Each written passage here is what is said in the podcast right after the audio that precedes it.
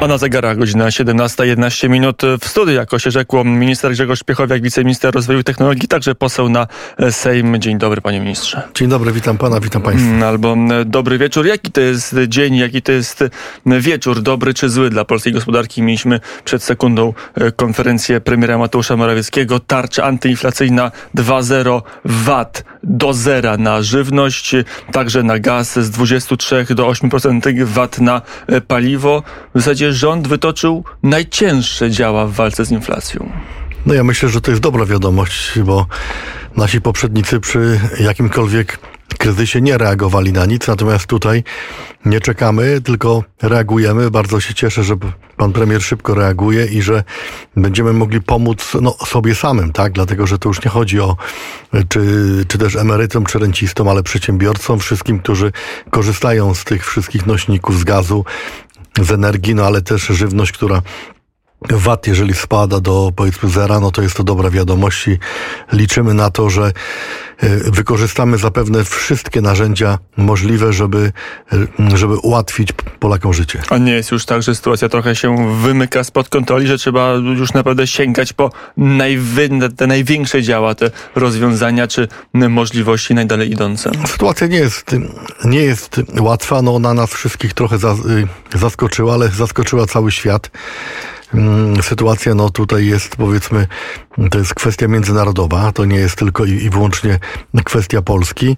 Na, natomiast najważniejsze, żeby reagować, bo najgorszą rzeczą jest nie robić nic i powiedzmy czekać. Natomiast my nie czekamy, tak jak było przy pandemii, staraliśmy się od, y, od razu walczyć o to, żeby, żeby zachować miejsca pracy, żeby pomóc mm, przedsiębiorcom i wygraliśmy na tym, bo jesteśmy bardzo wysoko y, oceniani. Skoro przy przedsiębiorcach tak jesteśmy, wiele osób mówi, że e, obecna inflacja to jest w istotnej części konsekwencja polityki rządu Prawa i Sprawiedliwości, między innymi tarcz antykryzysowych, że one były zbyt hojne, że te pieniądze się za bardzo rozlały po gospodarce i stąd tak duże wskaźniki, tak wysokie wskaźniki inflacji. Oczywiście, że możemy mówić, że Y, że jest to jeden z powiedzmy powodów, no ale mm, ja będąc y, jakieś pół roku temu w Rzymie z wizytą rozmawialiśmy tam z mm, ministrami Włoch, którzy mówili, że oni nie zrobili tego i mają dzisiaj bardzo duże bezrobocie, bardzo duże mm, kłopoty. Myśmy uratowali miejsca pracy.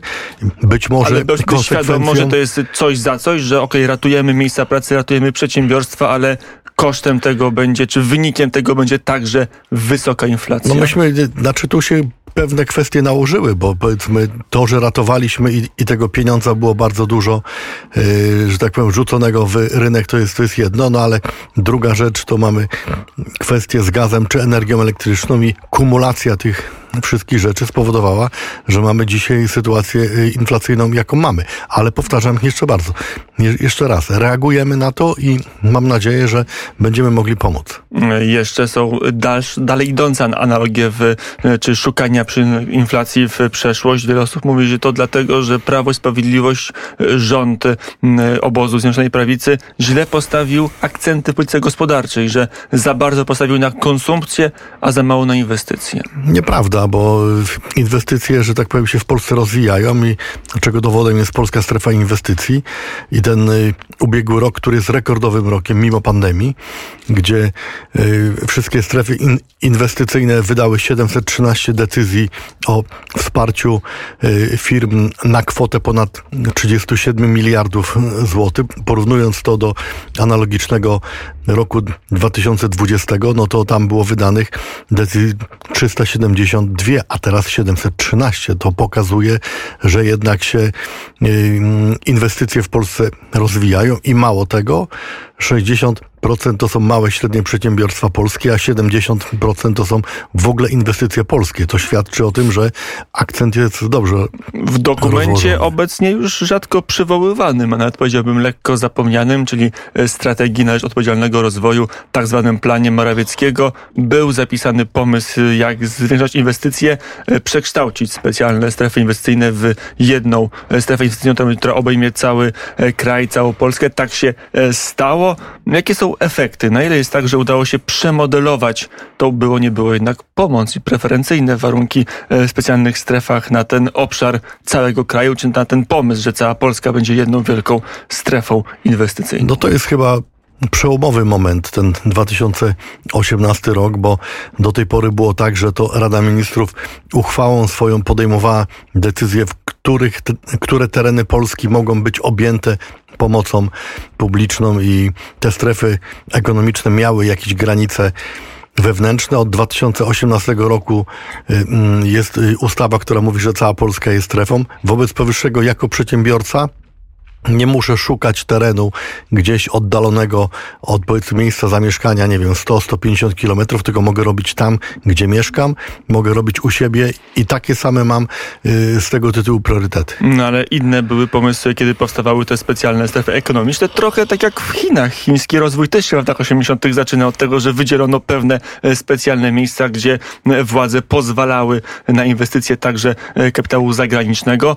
W Polsce miało być podobnie tam, gdzie albo były były bardzo zdegradowane gospodarczo tereny, albo gdzie było wysokie bezrobocie, powstawały e, miejsca, gdzie, gdzie były preferencje dla inwestycji. E, teraz to jest tak, że przedsiębiorca może dostać preferencje niezależnie od tego, gdzie będzie inwestował?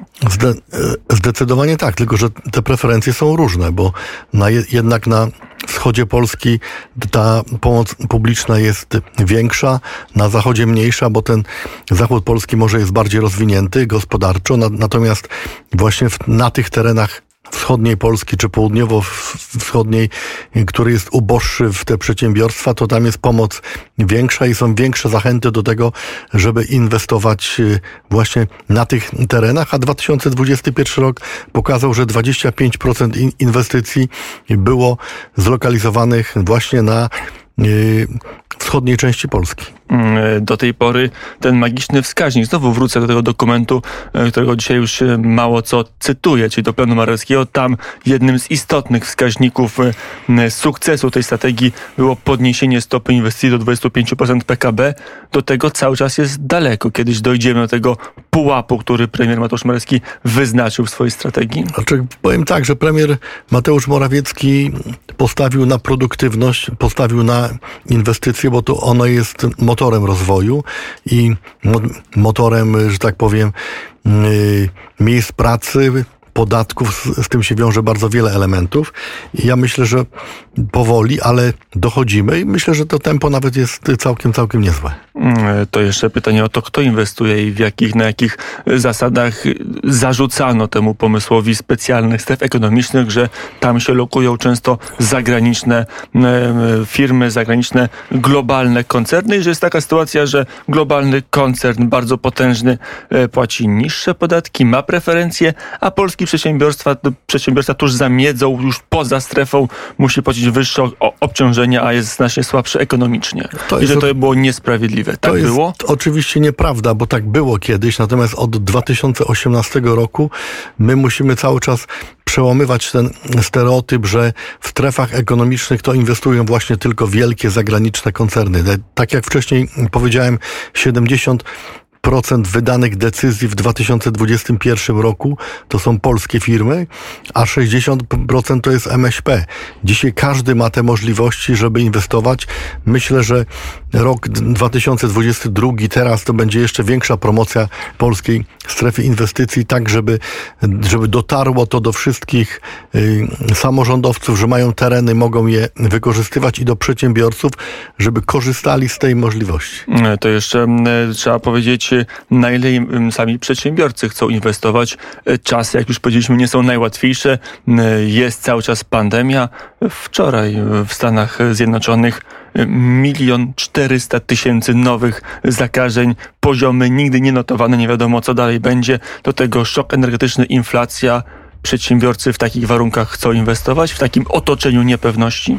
No, inwestują, bo to wyniki są tu tym fakty świadczą o tym, że jednak inwestują. Przedsiębiorcy są chyba bardziej mądrzejsi jak tacy zwykli ludzie, bo oni jednak w tej chwili mm, byłem Wczoraj odwiedziłem firmę zagraniczną Signify, to jest następca Philipsa w Pile i, i tam y, widać e, ewidentnie, że wszyscy kontrolują, kto wchodzi, czy ktoś jednak y, był zaszczepiony, czy też, czy też ma, że tak powiem, mm, świadectwo covidowe, bo to im oni o tym mówią i oni chcą pracować dalej ale chcą też mieć stworzone warunki y, ku temu, żeby, no żeby ograniczyć, zminimalizować te wszystkie rzeczy dotyczące pandemii. Mm, a na ile pandemia i, i, i, pewne e, rwanie się czy rozszywanie łańcuchów dostaw, na ile to już wpływa na kłopot inwestycyjny? Jest tak, że ktoś mówi, hmm, w Polsce nie zainwestuje, bo to jest kłopot z półprzewodnikami, bo,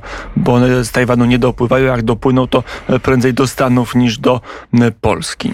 A czy to przerwanie łańcuchów dostaw było wielkim problemem na, na początku pandemii. To ewidentnie wszyscy mówili o tym, że z tym są kłopoty. Dzisiaj jest tego coraz mniej. Ja jestem przekonany, że jak to poukładamy jeszcze wszyscy trochę razem i uświadomimy sobie, że nie możemy być tylko i wyłącznie zależni od Dalekiego Wschodu czy Azji, no to damy radę y, to opanować. Nie jest to łatwy proces, na pewno wymaga czasu, wymaga pracy od nas y, wszystkich, ale jestem przekonany o tym, że przedsiębiorcy sobie poradzą. Mm, to jeszcze, panie ministrze, pana poprzedniczka, nawet więcej, bo szefowa kiedyś Ministerstwa Rozwoju Jadwiga Emilewicz na początku pandemii podkreślała i mówiła, że, że to może być szansa. Potem była została bardzo mocno krytykowana, ale że ten pomysł, że w ramach pandemii, w ramach niepewności dostaw półproduktów czy już finalnych produktów z Chin, z Azji, łańcuchy mogą się skrócić, w Polsce mogą się pojawić nowe fabryki, pan to obserwuje? Jest taki trend, żeby skracać łańcuchy dostaw, między innymi lokując swoje fabryki wielkich koncernów w Polsce? No to widzimy to, bo w ten 2021 rok pokazał, że wielkie firmy, chociażby koreańskie, które w tej chwili y, w Polsce ulokowały produkcję baterii do samochodów elektrycznych, ściągają kolejne, in, kolejne inwestycje, które kooperują z tymi firmami. I to właściwie my staliśmy się takim hubem środkowej Europy właśnie na ten automotive chociażby i, i w tej chwili jesteśmy liderami i mamy szansę przyciągać innych nowych inwestorów po to, żeby właśnie to, o czym Pan mówi, żeby te łańcuchy dostaw skracać. Mm, Grzegorz Piechowiak, wiceminister rozwoju technologii w studiu popołudnia wnet. To teraz jeszcze trochę polityki na, na koniec, panie ministrze. Polski Ład, e, zwłaszcza ten podatkowy. Na ile to był wypadek przy pracy, na ile jak trochę powiedział w tygodniku sieci, w wywiadzie dla tygodnika sieci mm, Jarosław Kaczyński, że ktoś z wewnątrz e, postawiał nogę pod realizację tego, pod wdrażanie tego programu. No ja to w, trudno mi powiedzieć, czy ktoś e, z, z, wewnątrz to robił, czy też nie. Natomiast no, faktycznie nie powinno się to zdarzyć i tutaj należałoby przeprosić wszystkich za sytuację zaistniałą, ale tak jak powiedziałem, najważniejsze, że podejmujemy decyzję, że chcemy to korygować, że reagujemy natychmiast. Ja myślę, że to jest bardzo ważne. No, falstart nastąpił i tu się mleko rozlało. Natomiast jestem przekonany, że damy radę, bo to jest dobry program. Można bardzo wiele osiągnąć i dla wielu Polaków będzie on bardzo dobry, a ci, którzy no, gdzieś tam w jakieś pułapki podatkowe w tej chwili popadli, to liczę na to, że, że to szybko odkręcimy. E, na ile ten program jednak komplikuje system podatkowy? Na ile to jest tak, że on i tak już nie najprostsze nie najbardziej logiczne polskie prawo podatkowe jeszcze bardziej gmatwa?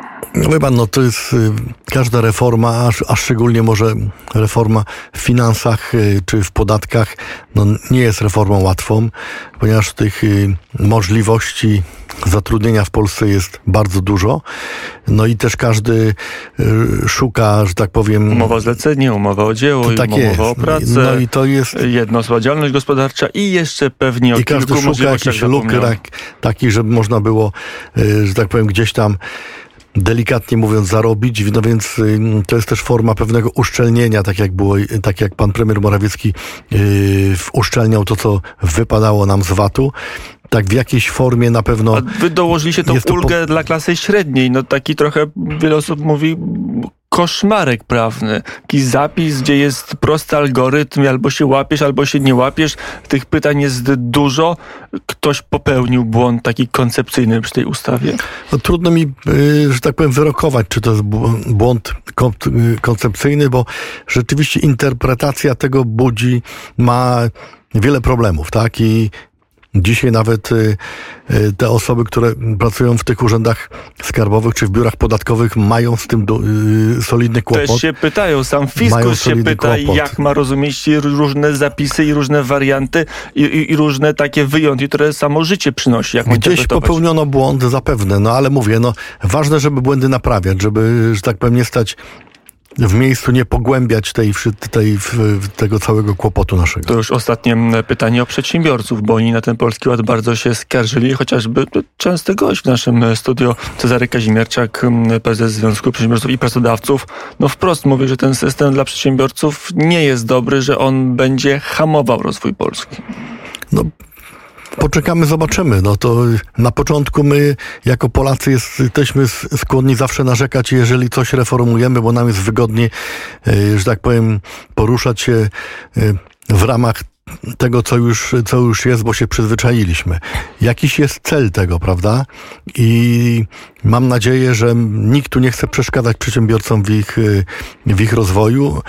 Wierzymy w to, że się będą rozwijali. Ja mam, ja mam nadzieję, że w tej dziedzinie dotyczącej chociażby przedsiębiorców zrobimy wszystko, jeżeli tak, takowe luki są, żeby im jednak pomóc. No To jeszcze zbierając pana ministra wiedzę od przedsiębiorców, od, od obywateli, ale także wiedzę ministerialną, czy, na, czy poprawianie tego projektu, no to będą tylko na poziomie rozporządzeń i ewentualnie jakichś zwrotów pieniędzy, czy potrzebna będzie nowelizacja ustawy o Polskim Ładzie Podatkowym? No ja myślę, że to jest y, pytanie bardziej do Ministerstwa Finansów, no bo tu jest, To prawda. że tak powiem, y, trudno mi, odpo- Ale mi możecie odpowiedzieć, bo podpowiedzieć, może pan minister dać sygnał kolegom ja myślę, że znaczy tak, z Ministerstwa Ja powiem Finansów. tak, że my oczywiście wszystkie uwagi, które w, wpływają do nas, przekazujemy. No, ktoś to zbiera w, w jakąś całość i okaże się, czy wystarczy rozporządzenie, czy musimy robić szybkie nowelizacje. Mm, Powiedział Grzegorz Piechowiak, wiceminister rozwoju i technologii, poseł na mm, Sejm Rzeczpospolitej, Klub Parlamentarny Prawa i Sprawiedliwość. Dziękuję bardzo za rozmowę. Dziękuję serdecznie. Mm, Do usłyszenia i do zobaczenia. Zagra godzina 17